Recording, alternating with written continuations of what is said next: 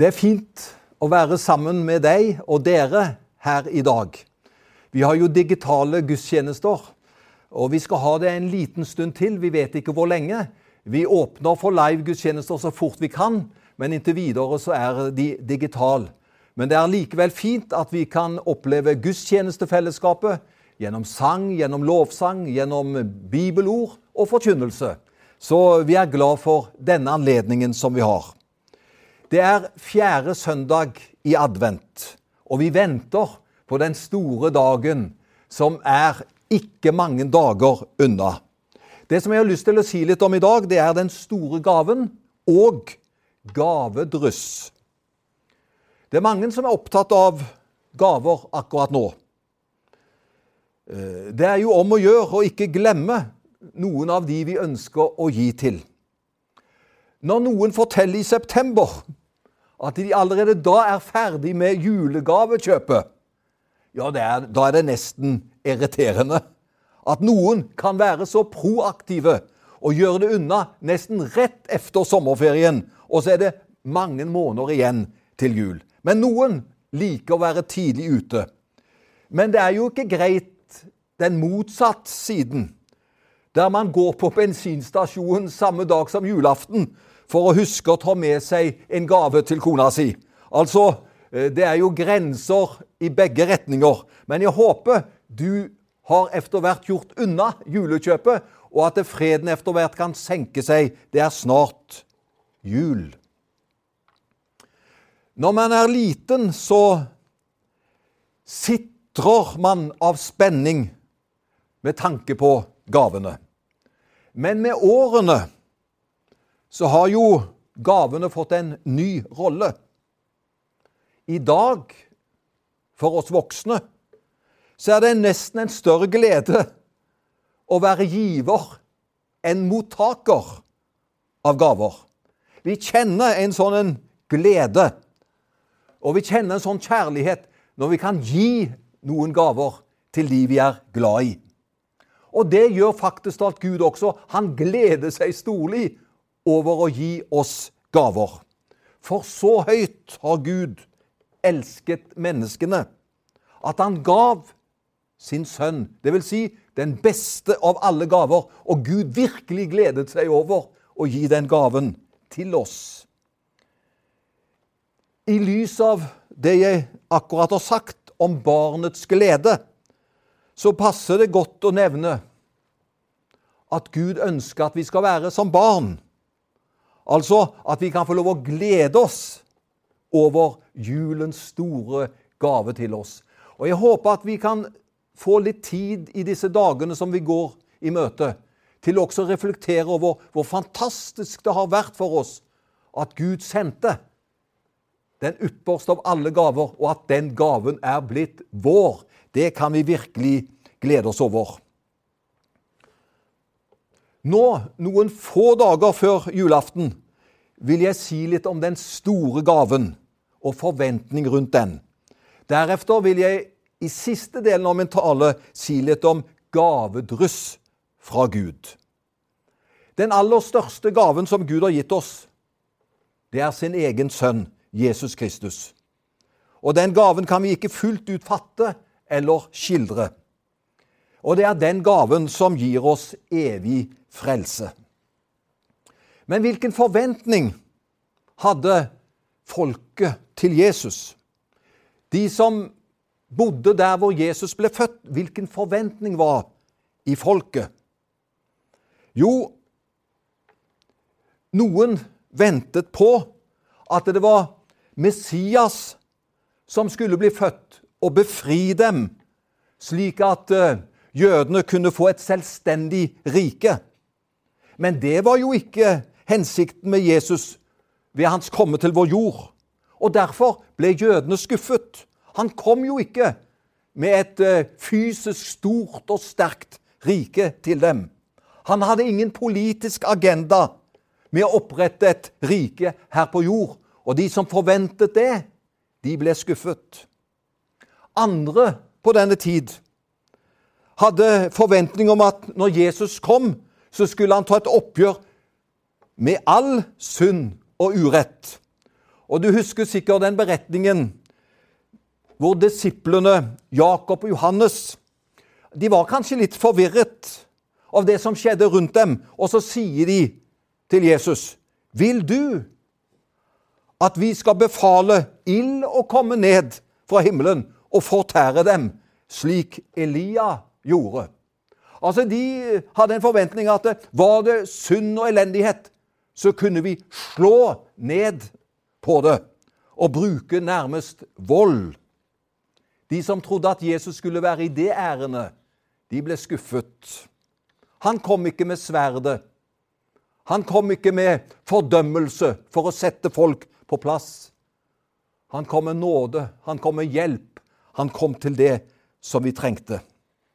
Og så er det jo noen, for å bruke vår samtid, da, som tillegger Jesus litt, og jeg sier det i anførsel, litt julenisseegenskaper. Det vil si han skal være snill, han skal være god, han skal være harmløs. Det er på en måte, syns jeg, å gjøre Jesus liten. For han er ikke kommet til vår jord først og fremst for å bekrefte oss og våre meninger. Det kan ligge for oss å prøve å tilpasse Jesus efter vårt syn og våre meninger. Men hør han vil aldri passe inn i våre rammer. Heldigvis. Han er jo Gud. Men det var noen få som hadde rett forventning til denne gaven som ble født til Jesus og til Jesubarnet. Det var gamle Simon. Det var gamle Anna, som vi kan lese om i Lukas kapittel 2. De hadde en forventning at det var Guds frelser som skulle bli født. Og da gamle Simon holder Jesu barnet i sine hender Han hadde den rette forventningen til gaven. Så sier han, 'Nå kan jeg fare herfra i fred' for mine øyne har sett din frelse. Det var det Jesus kom for, og det hadde gamle Simon skjønt. Så han var nå så lykkelig og glad over denne gaven, og han sier at nå kan du, Gud, bare ta meg hjem hvis du vil, for jeg har nådd det som er hemmeligheten og tanken med livet. Hva kan vi forvente av Jesus? Jo, vi vet at Gud er rettferdig, hellig og ren. Og skal vi få fred med Gud, vår skaper, så, så, så kan ikke vi som er i, i, vanskeligheter, som kjenner onde ting i vårt hjerte Vi kan ikke omgås Gud, som er ren, på en uren måte. Og Derfor vet vi at eh, Gud reagerer på synd. Og I Det gamle testamentet så fantes det en foreløpig ordning for synd. Og det var at folk måtte ofre for å gjøre opp for sin synd. Dyr ble slaktet og ofret for at det skulle hjelpe dem i deres relasjon til Gud når det gjaldt synd. Og Derfor sier Johannes, da Jesus har vokst til og skal begynne sin tjeneste, han viser til noe av den offertanken som var i Det gamle testamentet, og så sier han, se der Guds lam som bærer all verdens synd. Jesus hadde vært villig til å komme til vår jord for å gi seg selv, slik at vi alle, på grunn av det han har gjort for oss, kan nærme oss Gud selv. Jeg syns det er fantastisk snilt gjort av Gud. At nå kan vi nærme oss Gud selv, fordi Jesus har kommet og skværet opp vår synd. Han er det offerlam som en gang for alle ble ofret.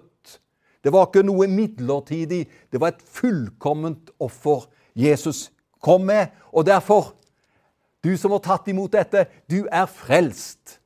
Du er skikkelig frelst, for det finnes bare én type frelse, og det er at man er frelst. Eh, noen sier jo det at eh, han er bare halvveis frelst? Kan han være godt nok frelst? Den frelsen som Jesus hadde for oss på korset, det var en fullkommen frelse. Og det vil jeg si et halleluja til. Derfor kan vi forvente at vi blir tilgitt når vi henvender oss til Jesus. Dersom vi bekjenner våre synder, står det, er han trofast og rettferdig, så han renser oss fra all urett. Så vi kan forvente at Jesus tilgir oss.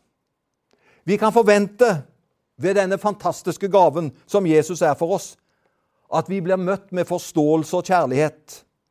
Vi har en Gud som har medfølelse med oss, som forstår oss, som vet veien som vi må gå, vet alt det som vi kan kjempe med i vår hverdag. Han vet om det, han forstår det. Vi har en som er prøvet i alt i likhet med oss, men han var gjennom det hele seiersherre uten synd. Og så kan vi forvente at han vil høre oss når vi ber. Når vi samtaler med han om ting som ligger på vårt hjerte angående våre liv, så kan vi forvente gjennom denne gaven at han hører oss. Derfor sier han i sitt ord, be, så skal du få. Let, så skal du finne. Bank på, så skal det lukkes opp for deg. Vi kan forvente at vi kan be til han, og han hører oss. Og så kan vi forvente også at han vil løfte av oss de byrder som livet kan legge på oss. Og livet vil aldri være rettferdig, for livet er så varierende fra den ene til den andre og ulike perioder i livet. Men vi kan forvente at han løfter av oss byrder som livet kan legge på oss. Og han sier, 'Kom til meg, alle dere som strever og bærer tungt, så vil jeg gi dere hvile. Og så kan vi forvente at han vil gå sammen med oss alle dager. Jeg er med dere alle dager, lyder det i avslutningen av Matteus evangelium. Vi kan forvente det av denne fantastiske gaven, at han også er alltid med oss. Det er fantastisk at dette med Jesus blir gitt oss som en gave. Å være en medvandrer så får vi oppleve at hans velsignelse, hans godhet, det er en berikelse i livet. Og så står det 'Han som ikke sparte sin egen sønn, men gav han for oss alle'. Hvordan kan han annet enn gi oss alle ting med ham? Og Da kommer vi inn på at vi får først og fremst Jesus, for det er den viktigste og største gaven som finnes. Men med Jesus så finnes det andre vidunderlige ting. Og Derfor kan vi få ta imot gavedryss. Hvordan kan en annet enn å gi oss alle ting sammen med ham? Så den store gaven i Romerne 8,32, den formidler også gavedryss. Det, det menes at uh, de egenskaper som i Guds hånd blir gitt til oss, den gaven kan vi være med å formidle til andre. Og så blir vi til velsignelse for andre ved å bruke den gaven som Jesus er, gjennom våre liv til våre medmennesker. Tidligere misjonsforstander, nå heter det generalsekretær i Misjonskirken Norge. Han het tidligere altså Ingulf Disen. Han opererer med 35 nådegaver i boken 'Gavedryss fra himmelen'. Og Jeg har bare lyst til å si det, det nærmer jo seg jul og gaver. Gud er også sjenerøs med sine gaver.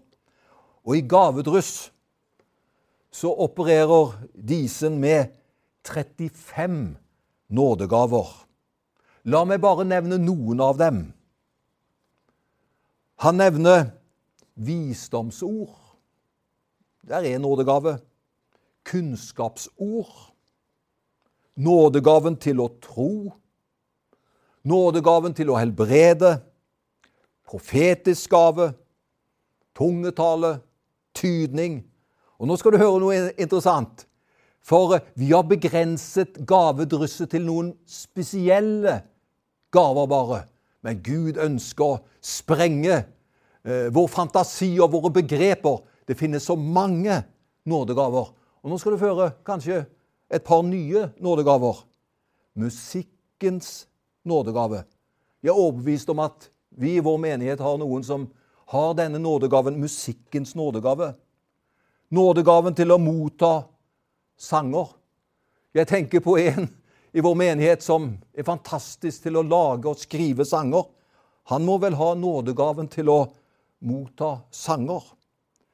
Meklingens nådegave, gjestfrihet, gaver til håndverkskunst etc., etc. Som vi forstår, så finnes det mange gaver som Gud vil gi til oss. Og så står det i Bibelen at alle har i alle fall minst én nådegave. Men så forventer Gud at uh, det han gir til oss, det bruker vi og, og anvende i vårt miljø. Når han har gitt oss nådegaver, så forventer han at vi skal bruke dem. Og Jeg har bare lyst til å si det selv om vi er midt i jula nå, eller i forkant av jula, så kan vi minne hverandre om at det, det finnes et gavedryss fra Guds side, som jeg i dag kaller for nådegaver. Be til Gud. Tenk over hvilken gaver har Han gitt deg? Og så skal du være frimodig og bruke dem. Vær forventende overfor hva Gud vil gi deg. I Jesus er alle nådegaver til stede. Gud som har gitt oss sin sønn. Hvordan kan han annet enn å gi oss alle ting sammen med ham?